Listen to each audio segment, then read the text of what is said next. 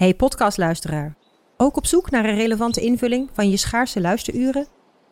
Tune dan in op de podcastserie ESG, even samengevat van BNP Paribas. Wij, Marloes en Aldert, spreken daar duurzame voorlopers en wereldverbeteraars. Waarover dan? Nou, bijvoorbeeld of we ooit duurzaam kunnen gaan vliegen. En waarom koeien in de stad nou een goed idee is? Dat en meer elke twee weken in een nieuwe aflevering. Dus abonneer je. ESG, even samengevat.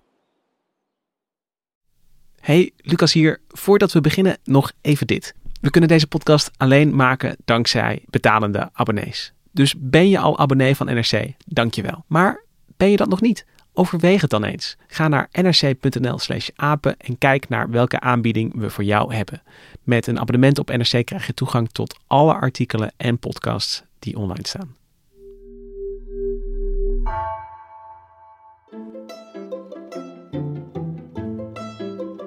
Welkom. Wij zijn Onbehaarde Apen. Dit is een podcast van NRC over wetenschap.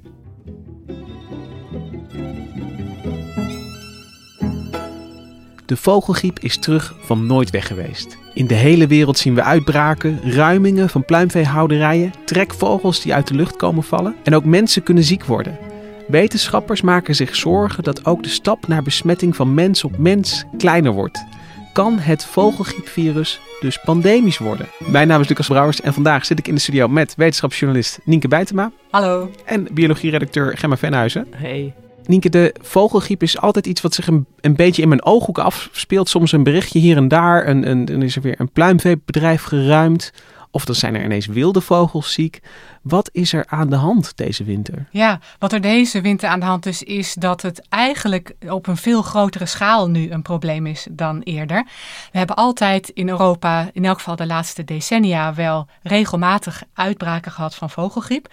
Soms groter, soms kleiner. Maar dat je eigenlijk over heel Europa nu overal zulke grote uitbraken ziet, zowel bij wilde vogels als bij pluimveebedrijven, dat is dit jaar wel echt heel erg uitzonderlijk. Alleen al uh, sinds afgelopen september zijn er al op minstens 500 plekken in Europa grote pluimvee-uitbraken geweest.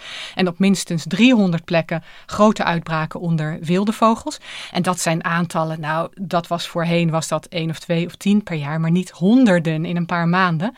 Dus die schaal van het probleem is nu echt wel heel erg uitzonderlijk. En dan is het dus zowel uh, de wilde vogel als de, de, de gehouden vogel, die, die Klopt. worden allebei gepakt. ja, ja klopt. En wat ik ook wel interessant vind, hè, want die uitbraken, daar zijn er dus al veel van. Maar per uitbraak gaat het ook weer om enorme getallen. Je hebt alleen al nu in januari dat in Friesland en Overijssel zijn honderdduizenden kippen geruimd. Dat is deels ook preventief, maar dat laat wel zien op wat voor schaal het impact heeft. En bij die wilde vogels, uh, je had uh, eind vorig jaar had je bij Schiermonnikoog dat er opeens honderden dode kanoetstrandlopers aanspoelden. waren ook allemaal vogelgriepslachtoffers.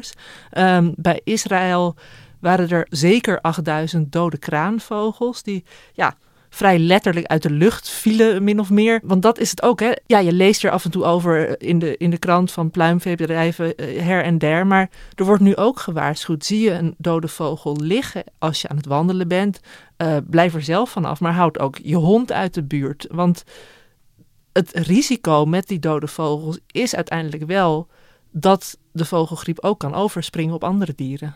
En een, een zieke vogel, hoe, hoe ziet dat eruit? Wat, wat, wat gebeurt er met een, uh, met een beest als het uh, geïnfecteerd is? Nou, ik heb twee jaar geleden, want uh, wat Nienke zei, er is dus eigenlijk vrijwel elk jaar een uitbraak van, van vogelgriep of aviaire influenza, zoals het officieel heet. Um, is er, is er wel. En, en, en twee jaar geleden waren er in Nederland opvallend veel brandganzen en knobbelzwanen uh, die toen het slachtoffer werden. En toen heb ik voor mij tot nu toe echt de meest fascinerende en, en ja, fascinerend klinkt weer zo, zo gruwelijk. Gruwelijk, dat ja. is beter, ja. Uh, maar echt van, van brandganzen die aan het tollen waren rond hun as en helemaal gedesoriënteerd in de, in de uh, sloot belanden, helemaal nog een beetje fladderend. En een knobbelzwaan die zo met zijn hals aan het stuiptrekken was. En ik vond het, ja, het was, was echt akelig om naar te kijken. En je ziet ook dat, dus voordat die vogels doodgaan, het is niet een kwestie van, oh, ze, ze leggen stil aan het loodje. Ze, ze, ze, ze lijden er in die zin ook echt, echt onder. En En is het ook zo dat uh, van, van COVID weten we immers heel goed dat je het, uh, je kunt het uh, ja, een heel milde ziekte hebben of je kunt zo ziek worden dat je naar de IC moet. Geldt dat voor aviaire influenza, voor vogelgriep ook? Is het zo dat een vogelgriep het ook kan doorstaan in principe of is het per definitie een doodsvonnis?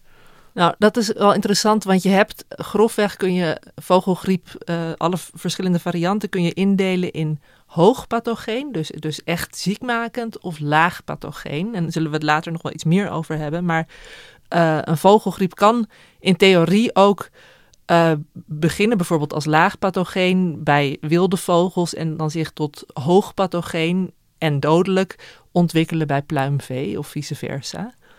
Um, dus ja, eh, in die zin, hè, we hebben bij het coronavirus wordt natuurlijk ook wel gezegd, oh, het lijkt in zekere zin op verkoudheidsvirus, maar er is een enorme range aan, aan, aan de impact die het kan hebben. Ja, die laagpathogene variant, dat is in feite gewoon uh, dat je een beetje last hebt van je darmen of een beetje gaat sniffen. Dat hebben die vogels dan ook.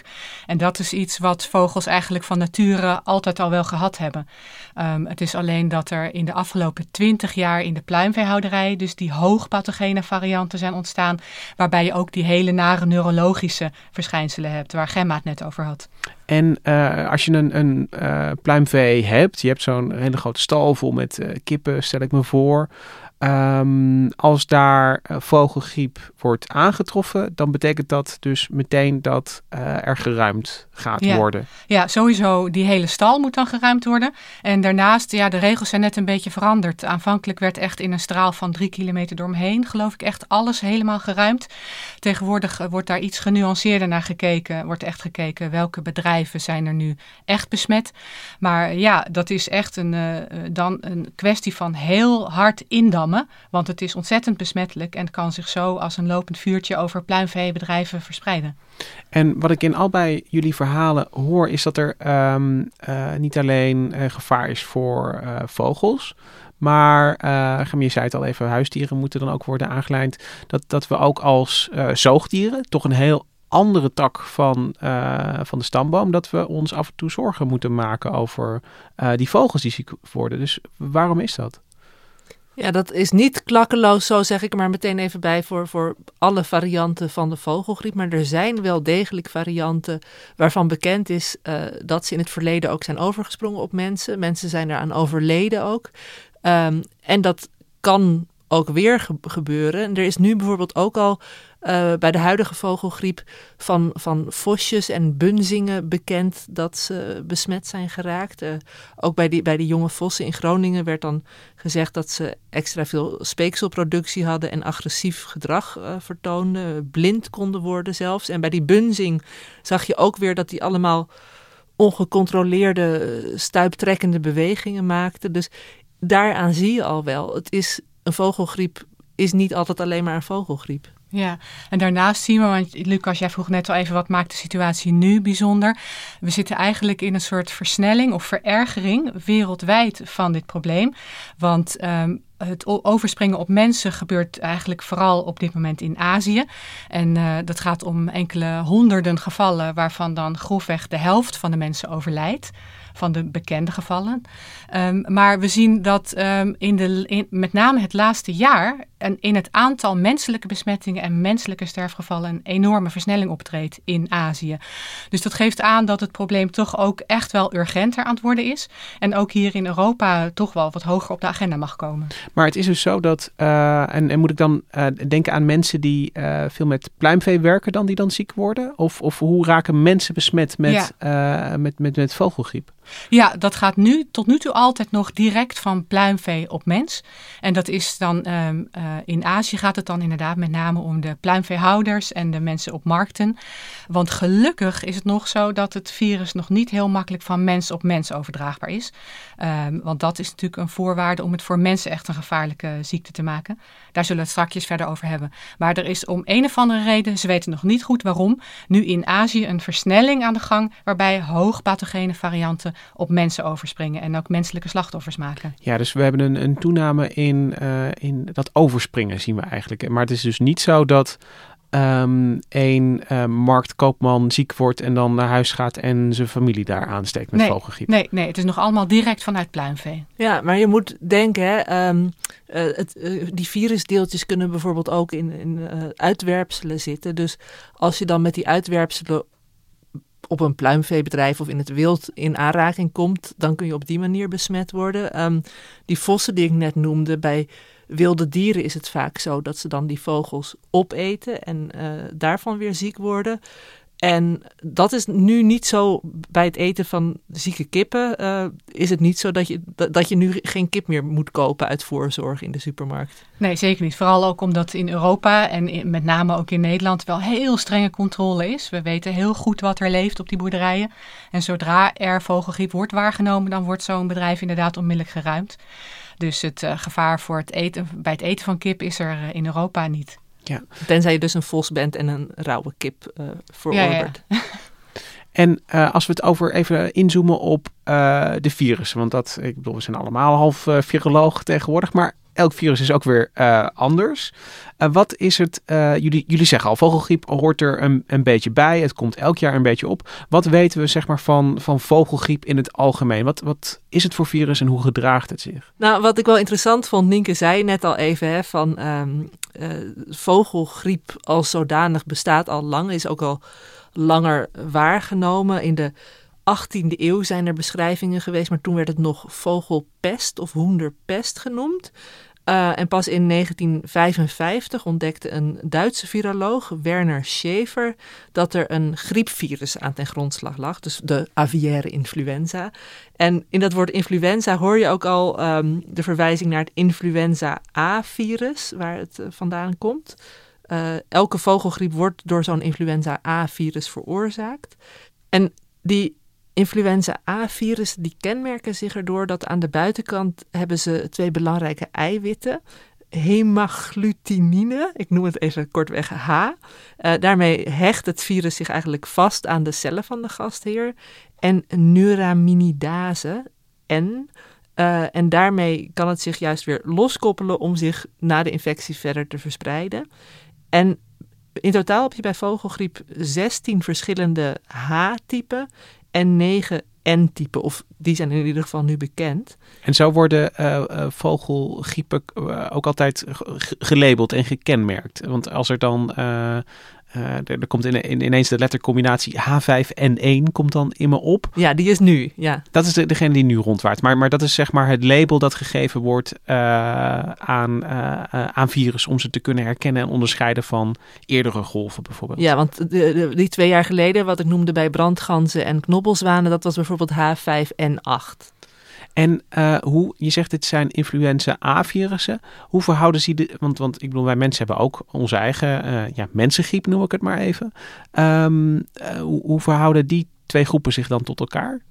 Nou, die zijn eigenlijk behoorlijk aan elkaar verwant. Uh, zelfs zo erg dat ze ook als ze in één gastheer samenkomen, heel makkelijk met elkaar kunnen gaan mengen. En zo zie je dat er uh, allerlei mengvormen kunnen ontstaan, die vervolgens eh, voor de gastheer in kwestie ook weer extra gevaarlijk kunnen zijn.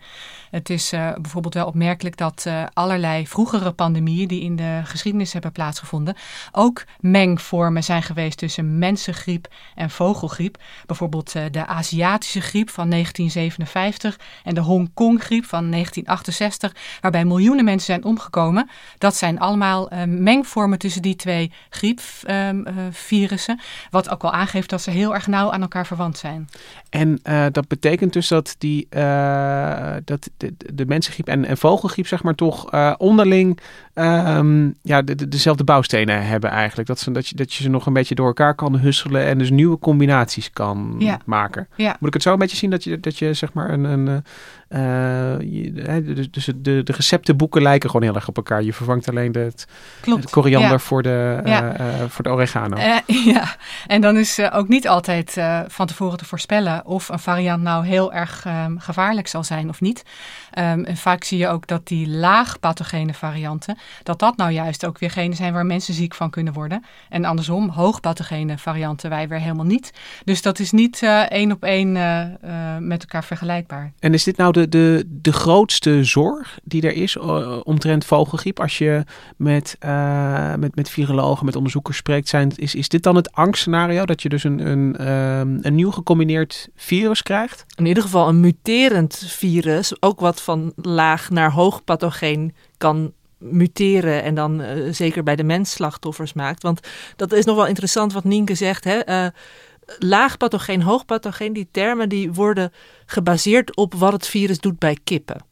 En we zeiden net al van laag pathogeen, ja, dat is dan uh, lucht, luchtwegen en, en maag-darmstelsel. Hoog pathogeen is veel intenser. Um, er is een, een, checklist ook voor um, pluimveehouders om te zien in welke categorie het valt. Uh, uh, onderhuidse bloedingen, weefselsterfte, diarree, dan weet je al gauw van nou dat is hoogpathogeen.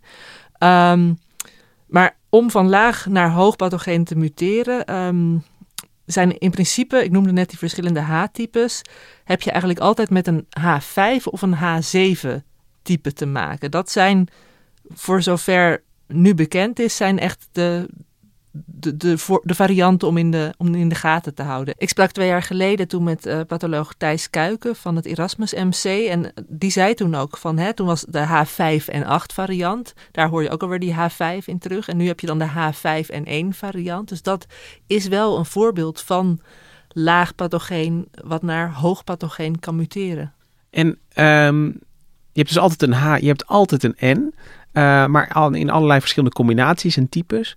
Uh, waar komen die varianten dan vandaan? Wat, wat, waarom is er nu een H5 in het spel en niet een, een H3? Ah, nou, die zijn er eigenlijk allemaal wel.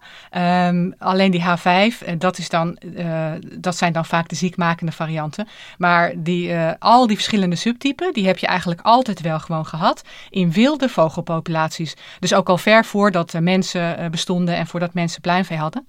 Maar dat ging dan eigenlijk om varianten die niet heel ziekmakend waren. Um, en af en toe, um, sinds mensen wel intensieve pluimveehouderij hebben, ontstond daarin dan een ziekmakende variant, die ook wel eens oversprong op wilde vogels, op trekvogels. Maar dat was eigenlijk nooit zo'n probleem, want dat was dan vaak zo ziekmakend dat die wilde vogels daar meteen mee uit de lucht vielen en er ja, niet ver mee kwamen. Want hoe zieker je een vogel maakt, uh, ja. dat is natuurlijk voor die verspreiding van het virus zelf, is, er zit er dan ja. een soort grens aan. Als je je gastheer doodmaakt, dan Klopt. houdt het snel op. Dan kom je er niet ver mee. Maar um, uh, vlak voor de laatste eeuwwisseling ontstond er opeens in Azië een hoogpathogene variant die wilde vogels heeft besmet, maar ze niet direct doden. Dus dat was een, toch weer een variant waar ze, waar ze wel ziek van worden, werden, maar niet ziek genoeg om er meteen van dood neer te vallen. En die variant is toen door trekvogels vanuit Azië meegenomen naar Siberië, waar ze gingen mengen met trekvogels uit Europa en Afrika. Dus vanaf dat moment zie je dat hoog, een hoogpathogene variant zich eigenlijk over de hele oude wereld ging verspreiden. En daar zijn ze, die, die is die hoogpathogene variant in dat reservoir van wilde vogels ook nog eens gaan mengen met laag pathogene varianten.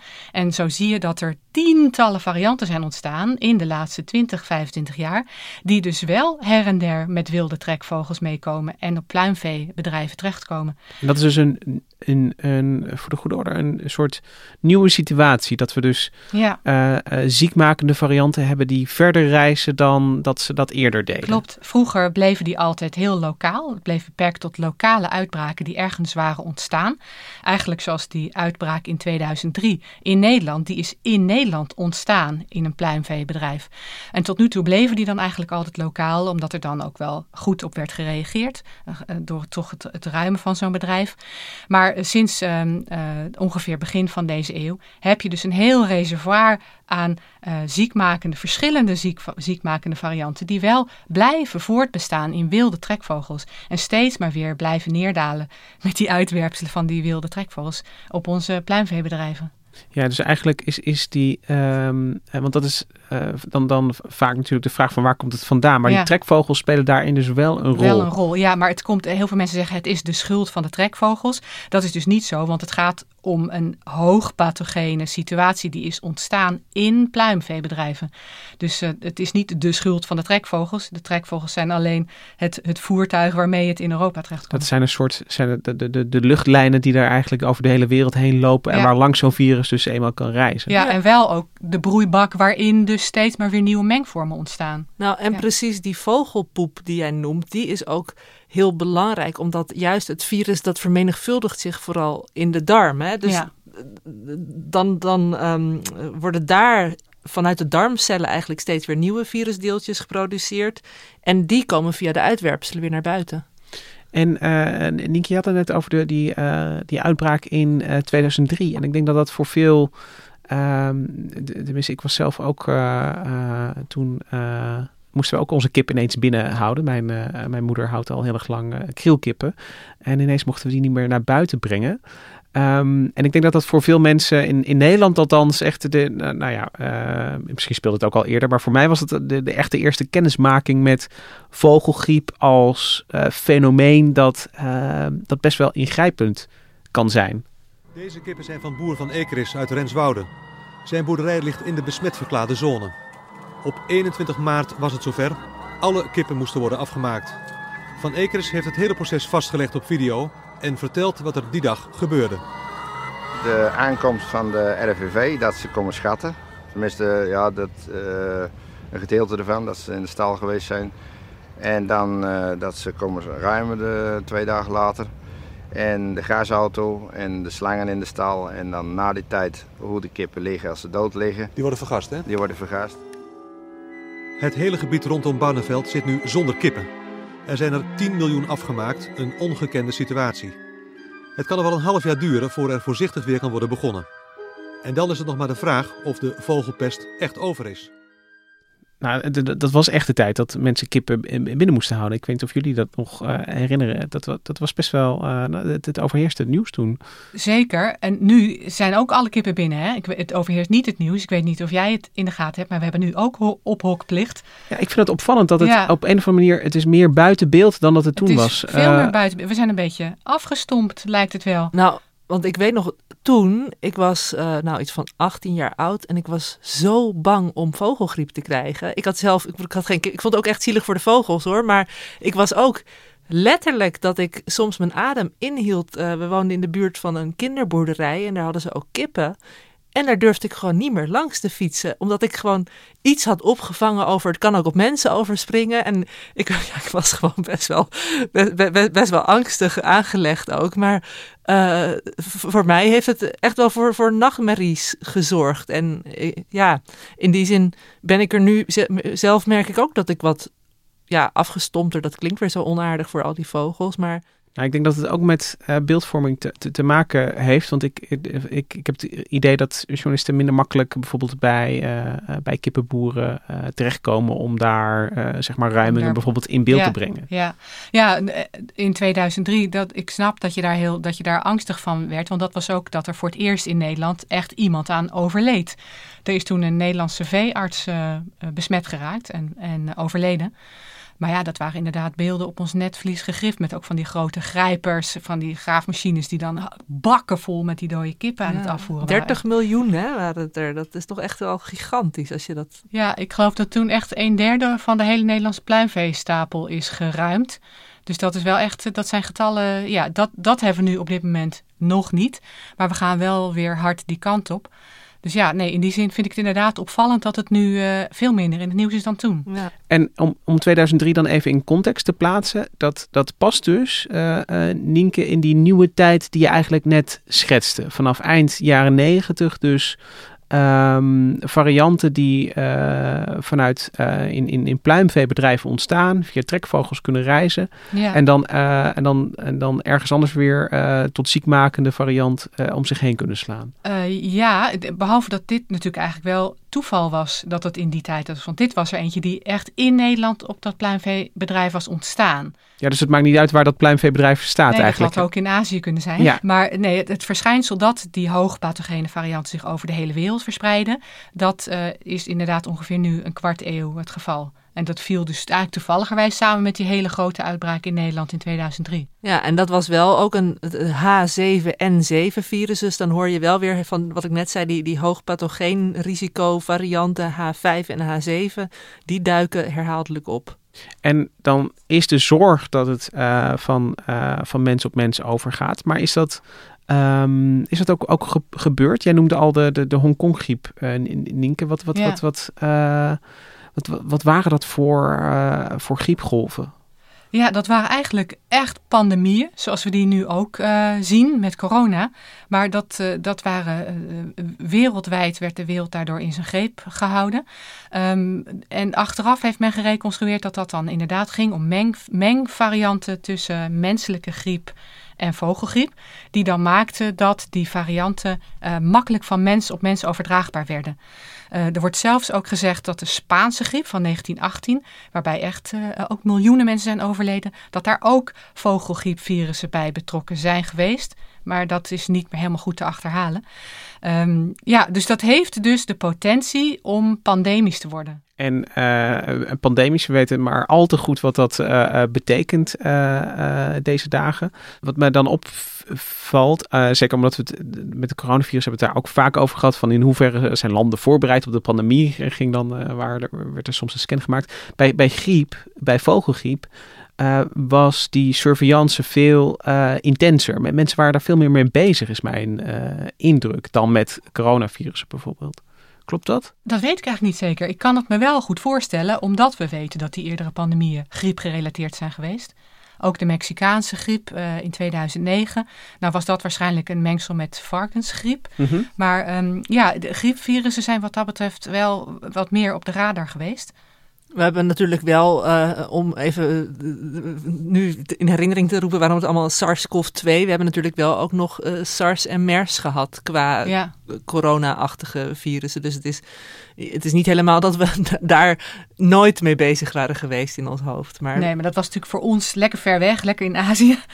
Maar heb je, net als, ik vind, ik vind het goed dat je SARS en, en MERS even noemt. Want hebben we voor, um, voor, voor vogelgriepen dan ook dat soort uh, zorgwekkende uitbraakjes gezien. Dus, dus, dus niet uh, zeg maar meteen pandemische virussen, maar wel ja, clusters van mensen die ziek werden?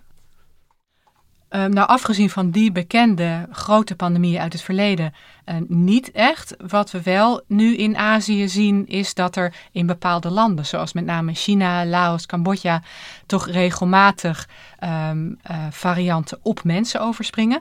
Maar uh, dat blijft dan steeds bij lokale gevallen waar dat gebeurt. En dat worden geen clusters van menselijke gevallen, omdat het niet daar dan nog niet van mens op mens overdraagbaar is. Maar van die pandemieën weten we dus dat ze op een gegeven moment van mens op mens werden overgedragen. Want anders dan, dan, uh, krijg je geen pandemie. Dan, dan lukt het niet om. Niet, niet iedereen kan door een, een, een dode kip besmet worden, zeg maar. Ja, klopt. Um, dat zijn dus tot nu toe die pandemische uh, gevallen, die zijn in de geschiedenis nog vrij beperkt gebleven. Die paar die ik noemde, de Aziatische en de Hongkong-griep. Um, maar we zien wel op dit moment in Azië dat er toch wel regelmatig mensen besmet worden met vogelgriep. En dat in uh, veel gevallen daar mensen ook wel aan overlijden.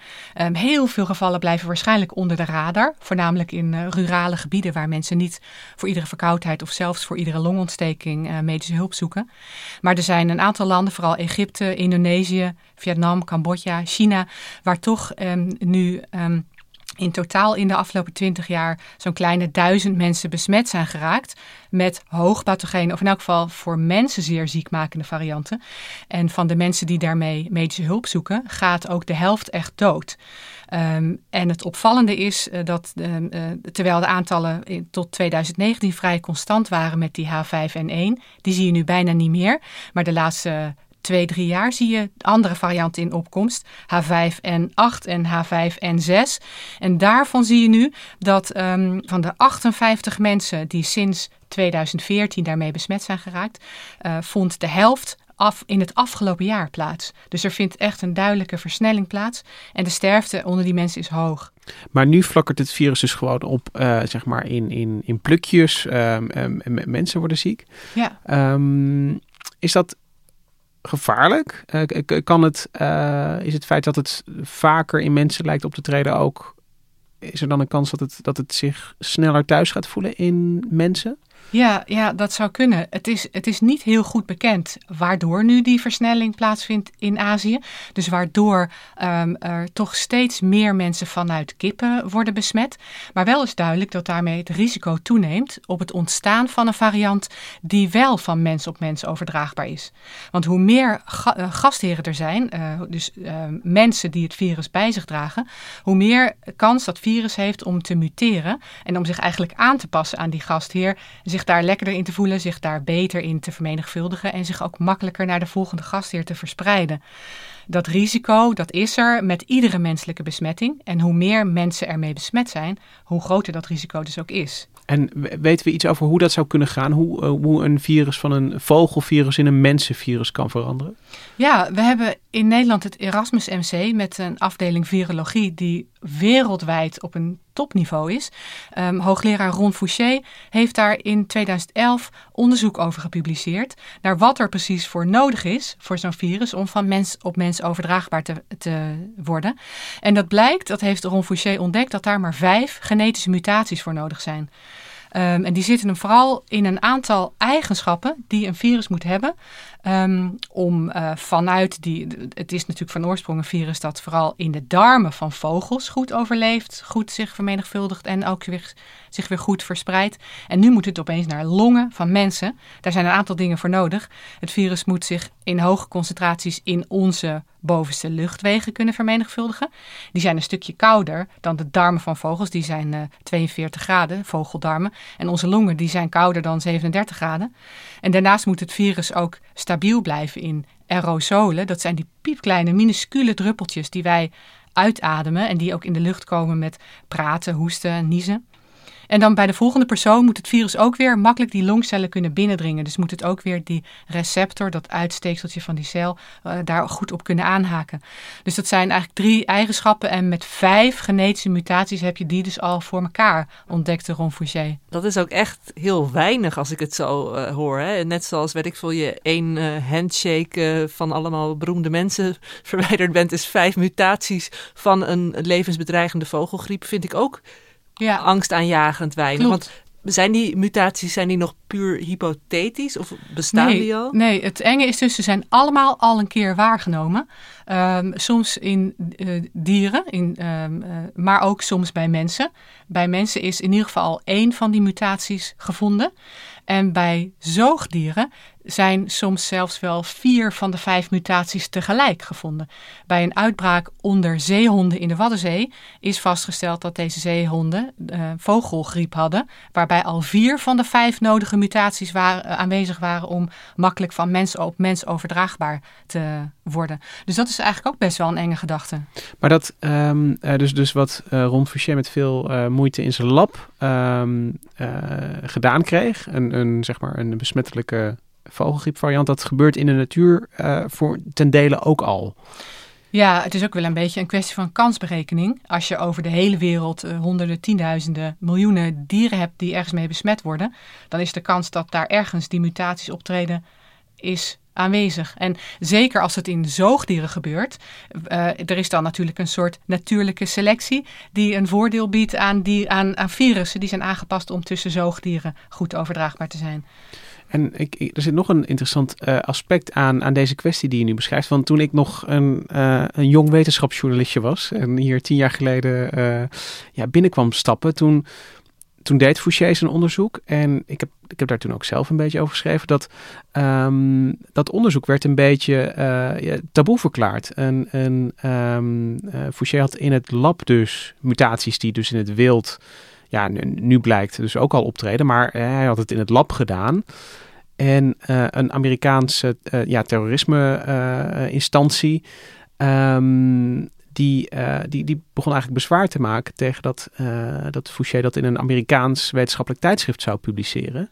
Ja, klopt. Er is toen een hele dikke controverse over geweest. Want ze waren bang dat die informatie in de verkeerde handen uh, tot een terroristisch wapen zou kunnen worden omgezet. Dus um, Fouché werd uh, gesommeerd om niet al die details in zijn wetenschappelijke publicatie te zetten. En, en sterker nog, uh, dat, dat, dat kreeg nog een hele lange staart. Hij uh, moest een exportvergunning aanvragen, die normaal gesproken bedoeld is voor spullen, ja, spullen voor, voor technieken waarmee je bijvoorbeeld een kernbom zou kunnen maken. Ja. Om überhaupt op lezingen hierover te praten, om het inderdaad te publiceren. Um, en in, ik, ik heb nog even eh, gevolgd hoe dat nou is uh, afgelopen. Um, er is nog een rechtszaak geweest. Ja.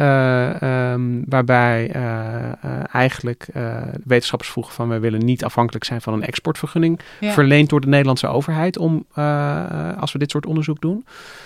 dat is niet toegekend. dus de Nederlandse overheid mag dat doen. Toen heeft de KNW nog een keertje gevraagd aan het ministerie... of daar alsjeblieft een apart orgaan voor kon worden opgetuigd. Maar dat, uh, daar ging de minister destijds ook niet op in. Dus um, nou ja, het is nog steeds een situatie dat in principe uh, de Nederlandse overheid uh, dit soort ja, kennis kan, kan blokkeren. blokkeren ja, maar weet jij hoe dat dan is afgelopen? Dat is nog steeds niet. dat is niet geregeld. Beslist. Nee, nee, nee, nee. Dus, dus dat ligt bij het ministerie van VWS en RIVM dan, als dat nu weer ja, zo, zulke kennis zou zijn. Ja. Um, en ik, ik denk dat met wat jij net vertelt, met uh, uh, laat wel zien hoe waardevol het is. Dat, dat je dus, um, omdat Fouché die lijst van vijf mutaties al had en Ja. kon laten zien van deze zijn potentieel gevaarlijk, kun je daarna, als je, alleen als je dat weet, kun je naar die zeehonden toe gaan en kijken wat Precies, daar zit, in ja. zit en zeggen van hé, hey, Ja. het gebeurt al. Ja, er zitten, zitten twee kanten aan. Enerzijds, natuurlijk, het is gevaarlijk als die informatie in de verkeerde handen komt. Maar aan de andere kant, we hebben dat ook nodig als diagnostisch middel om te kijken, als je een uitbraak in de natuur ziet, hey, zitten hier die varianten in die het Ja. voor ons... Dus het zegt ook wat over je mensbeeld eigenlijk. Van, hè, denk je van, Ja. oh, het kan, kan ten goede worden aangewend, eh, deze wetenschap? Ja. Want zo wo- worden natuurlijk ook weer aanvullende wetenschappelijke ontwikkelingen... kunnen alleen maar daarop voortborduren. Anders moet iedereen zometeen de hele tijd weer opnieuw het wiel, het wiel uitvinden. Ja, En ik denk dat het ook iets, kijk, eh, en, en met alles wat je net beschreef, Nieke, van in de natuur gebeurt het gewoon heel veel. Ja. Die, die, die virussen gaan als een malle tekeer. ja. Eh, in wilde vogels, pluimveebedrijven, eh zoogdieren worden ziek. Ja, het, het is ook een beetje naïef om te denken dat, eh, eh, eh, dat, dat, eh, dat, dat je als, als mensen in het lab eh, zeg maar iets uniek gevaarlijks doet. Want, want Ja. het, het gevaarlijke gebeurt. Het eh, gebeurt, het gebeurt eigenlijk al. Maar ja, het, het lastige, hè, kennis delen en, en, en politiek. Ja, ook dat zagen we natuurlijk wel aan het begin van de coronacrisis weer. Van hoe moeilijk en traag dat dat was. Dat, dat was weer een andere eh, insteek. Maar het is wel, er, er is niet het idee van oh, één grote, openlijke, toegankelijke eh, wetenschapslab waar iedereen over elkaars schouder mee kan kijken. Wat de wetenschap ten goede zou komen Ja. als alle informatie vrijelijk gedeeld kan worden. Dat is er niet eh, zonder meer. En is, is dat lijstje, is dat nou uiteindelijk eh, verschenen of niet? Of, of is Nou, dat eh, nog volgens steeds mij iets waar geheimzinnig Niet, over moet volgens worden mij gedaan? niet tot in het allergrootste detail. Voor Hm. zover ik het heb kunnen vinden. Dus we kunnen het nu niet in onbaarde apen onthullen. Maar eh, we weten in ieder geval wel wat die mutaties dus waar ze eventueel kunnen leiden. Want dat heb je net beschreven met dat eh, nou ja, 37 graden, eh, dat soort dingen. Ehm, dit is volgens mij in potentie iets wat, eh, wat de wetenschap zou kunnen doen om, eh, eh, om, om zeg maar dit probleem in ieder geval op het vizier te krijgen. Gewoon identificeren wat, wat er gevaarlijk is en wat niet. Waar we op moeten letten eigenlijk. Zijn er nog meer dingen waarmee je zou kunnen ingrijpen en het, het risico op het ontstaan van een pandemisch virus kan verkleinen? Nou, ik zat meteen te denken van, kunnen we niet gewoon vaccineren? Ja, daar, gebeurt, daar wordt heel veel eh, onderzoek naar gedaan. Ehm, er bestaan vaccins om pluimvee in te enten tegen vogelgriep. Ehm, maar de, in Europa zijn er een aantal dingen aan de hand. Eén is dat eh, Europese landen met elkaar afspraken hebben gemaakt over de export van eh, kippenvlees en ander pluimveevlees. Dus je hebt de export van wetenschappelijke kennis en de export van, van, Van vlees. kippenvlees, ja. En eh, ze hebben met elkaar afgesproken dat ze niet vaccineren. Want het is namelijk heel erg lastig om te zien ehm, of een kip gevaccineerd is, dan wel geïnfecteerd met vogelgriep. Ehm, dus ze vinden dat het de boel vervuilt, het vaccineren. En ze willen alleen maar vogelgriepvrije eh, kippen op de markt hebben. Dus daarom hebben Europese landen onderling een grote afkeer van eh, gevaccineerd eh, kippenvlees in de schappen. Is daar iets voor te zeggen? Ja, maar het is wel zo dat dat natuurlijk remmend werkt op alle ontwikkelingen. Uh, want er zijn manieren om dat onderscheid te maken, maar die moeten voor een deel nog ontwikkeld worden. Uh, daar moet je geld in investeren. En dat gebeurt op dit moment relatief weinig. Want er is geen markt omdat voor. er straks dan toch geen markt voor is. Dus het, um, en net zo, het, een andere reden waarom het nu nog weinig gebeurt, is dat die vaccins nog niet optimaal zijn. Ze doen nog niet precies wat ze moeten doen. Namelijk, uh, ze, uh, net als eigenlijk bij de coronavaccins, ze voorkomen nog niet voldoende de transmissie, dus de overdracht van het virus tussen dieren. Dus die vaccins zijn nog niet volmaakt. Ze zijn niet iedere keer aangepast aan de dan heersende varianten. Dat zou je allemaal wel kunnen doen, maar niemand investeert er geld in, omdat er vervolgens dan toch geen Europese afzetmarkt voor is. Dus ik denk dat we toch eerst met z'n allen, en, dat gebeurt nu ook wel hoor. Ik sprak uh, vandaag met Nancy Berens van Wageningen Universiteit. En die uh, zei dat, uh, dat er toch binnen Frankrijk, Italië, Duitsland en ook Nederland wel steeds meer over wordt gepraat. Dat we daar iets aan moeten doen, aan die regels. Want ja, zo kan het eigenlijk niet langer iedere maand honderdduizenden dieren ruimen. Terwijl we wel vaccins hebben. Um, want, want ik, ik wou net zeggen, het is uiteindelijk lijkt het me ook in het belang van, van de boer dat je beter een gevaccineerde stal kan hebben dan een geruimde stal. Nou, dat zou je denken. Maar op dit moment is in Nederland vaccineren toch netto duurder omdat je ook, de, de, wat ook een probleem is, is die, uh, de, de, handelingen die ervoor nodig zijn. Je moet een kip oppakken, een spuit erin zetten en de volgende kip oppakken. Dat gebeurt helaas nog niet um, ook, ja, geautomatiseerd. Of, of, ze zijn wel op zoek naar misschien andere methoden van toediening. Kan je het niet in het water doen of in het voer? Um, en, en vaak moeten die kippen dan toch meerdere keren gevaccineerd worden. Net zoals nu met corona. En voor een vleeskuiken dat na zes weken naar de slacht moet. Ja, ja. dat gaat hem dan toch niet worden. Dus er zijn nog wel op het vlak van ontwikkeling van die vaccins nog veel stappen te zetten voordat dat echt uit gaat kunnen voor die boeren. Maar, dus ja, op dit moment is het, niet, is, is het kosteneffectief om die dieren iedere keer te ruimen. Maar in het kader van hè, beter voorkomen dan genezen, hebben we het nu dan over vaccineren. Maar ik vraag me ook wel af, is er iets, dat hebben we ook wel vaker naar aanleiding uh, van de coronacrisis besproken, van is er ook iets in de manier waarop wij met dieren omgaan, met pluimvee, wat zou kunnen worden veranderd? Om het op die manier in te dammen. Hè? Ja. Ik, ik, ik, noem maar wat meer afstand tussen de kippen onderling. Ja, absoluut. En dat is, dat is in Nederland ook wel um, onderwerp van discussie. Uh, jij had het eerder al even over Thijs Kuiken, uh, viroloog uit Rotterdam. Die is een collega van Ron Fouché, over wie we het net hadden, van de mutaties. Samen um, zaten ze in een commissie die de overheid heeft geadviseerd een paar jaar geleden over zogeheten zoonosen. En dat zijn dierziekten die op mensen kunnen overspringen en mensen ziek kunnen maken. Ja, we hebben er ook een keer een podcast over gemaakt. Over een hele ja. podcast over zoonozen, precies. Nou, de, de, belangrijkste conclusies van dat rapport waren, wa, ja, was eigenlijk doe toch echt iets aan die hele super intensieve pluimveehouderij. We hebben in Nederland uh, de meest intensieve pluimveehouderij van de hele wereld. Op sommige plekken in Limburg is de pluimveedichtheid 18 keer groter dan het uh, wereldwijd gemiddelde. Uh, ja, dus dat is absoluut waar. Daar zit absoluut een factor waar wij inderdaad als maatschappij met z'n allen iets aan kunnen doen. Ja. Want is het zo dat, uh, want, want een, een, paar van de belemmeringen die je inderdaad noemt, weet je, van die, die hele korte tijd waarin die kippen eigenlijk van, van kuiken naar, naar vlees gaan, de schaal waarop.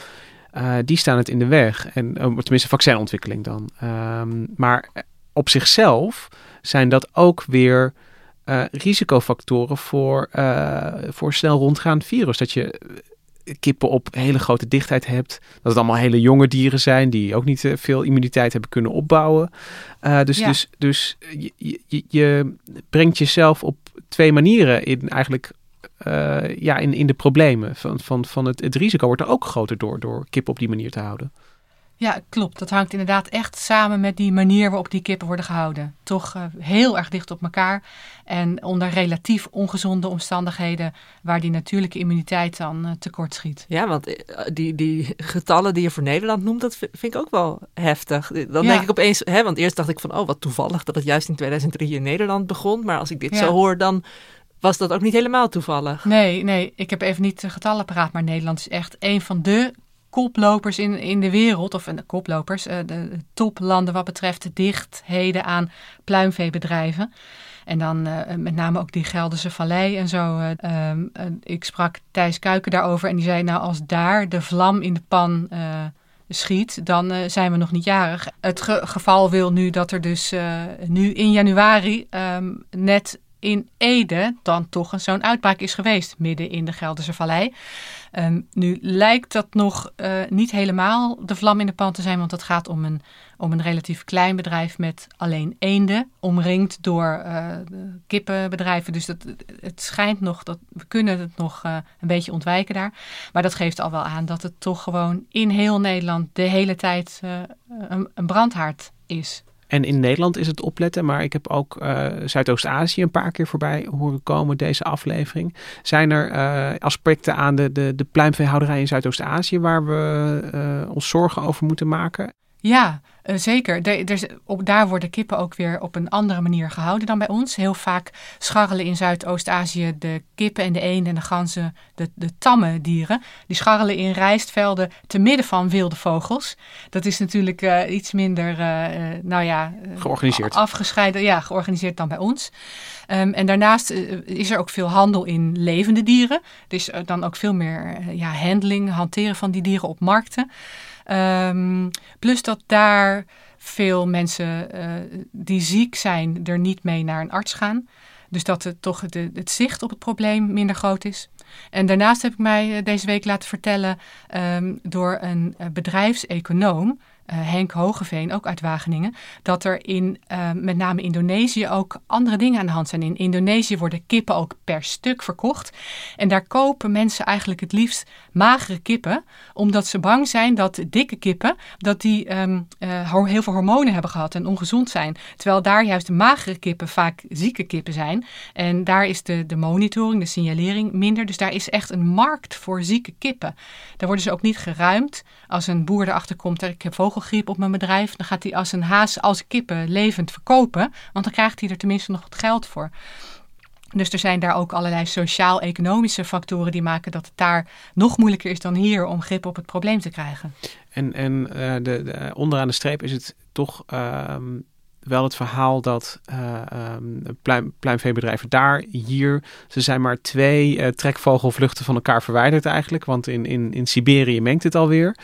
Um, dat, dat, we die, uh, dat we die economie, de gezondheid uh, van mensen, van kippen, van dieren, eigenlijk niet los kunnen zien van, nou ja, van onze eigen situatie. Ja, klopt. Dat, dat noemen experts ook wel de, de One Health benadering. Eén gezondheid. gezondheid van mens, dier en milieu hangt heel nauw met elkaar samen. En dat zijn we af en toe een beetje uit het oog verloren, met name in ons uh, dichtbevolkte Nederland. Ja, dus deze mensen die pleiten er dan ook voor, mensen zoals Ron Fouché en Thijs Kuiken, om dat dan toch meer die One Health benadering te nemen, een meer holistische benadering van gezondheid. En zou het dan kunnen dat 2022 met dit extreme vogelgriepjaar, met uh, een, een, een, pandemie nog uh, vers op ons uh, netvlies, dat er dan wat dingen gaan gebeuren? Dat, dat, we niet, nou ja, dat we niet meer zo bang zijn voor terrorisme, maar juist meer voor, voor een gevaarlijk virus? Dat er, dat er daar wat aan gaat gebeuren? Hoe schat jij dat in? Uh, nou, ik, ik, ik help het je hopen. en ik, ik krijg ook aan alle kanten wel signalen dat er commissies zijn en adviezen en, en mensen en dat boeren het eigenlijk ook niet meer zo willen. Het, het met die vaccins beweegt het ook heel langzaam toch richting een, uh, dat ze allemaal willen gaan vaccineren. Dus ja, dat gebeurt absoluut. Maar of het snel genoeg gaat en of de urgentie bij iedereen voldoende op netvlies is, ja, als je me heel eerlijk vraagt, dan betwijfel ik dat toch wel een beetje. Dus ook na SARS en MERS, weet je, alles zakt weer zo gauw weg. Ja. Ook, uh, ja, ik denk nu ook, stel dat het nu met corona uh, op den duur echt de goede kant op gaat. Dat mensen ook denken, nou, we hebben, we hebben wel even genoeg virussen gehad. En ja, dat, dat het ook makkelijk is om je kop dan weer in het zand te steken. En als ik dit zo hoor, ik denk van nou, ik ben ook wel een soort van blij met mijn mondkapjes nu dan. Ik, ik wil niet weer helemaal veranderen in die 18-jarige Gemma die dan bij elke kip die ik zie mijn adem inhoudt. Maar ik vind het toch wel spannend allemaal. Ja. dode vogels gewoon laten liggen, toch? Ja, dat is, ik dat is blijf het beste wat je kan doen. Oké. Nou, dankjewel uh, Gemma en Nienke dat uh, jullie ons kwamen vertellen over de vogelgriep en welke risico's dat heeft voor uh, vogel en mens. Dankjewel ook Liz Doutsenberg voor de productie van deze aflevering. De muziek die je hoort die is gespeeld door het Dudo Quartet. En wij zijn er volgende week weer met een nieuwe aflevering. Tot dan!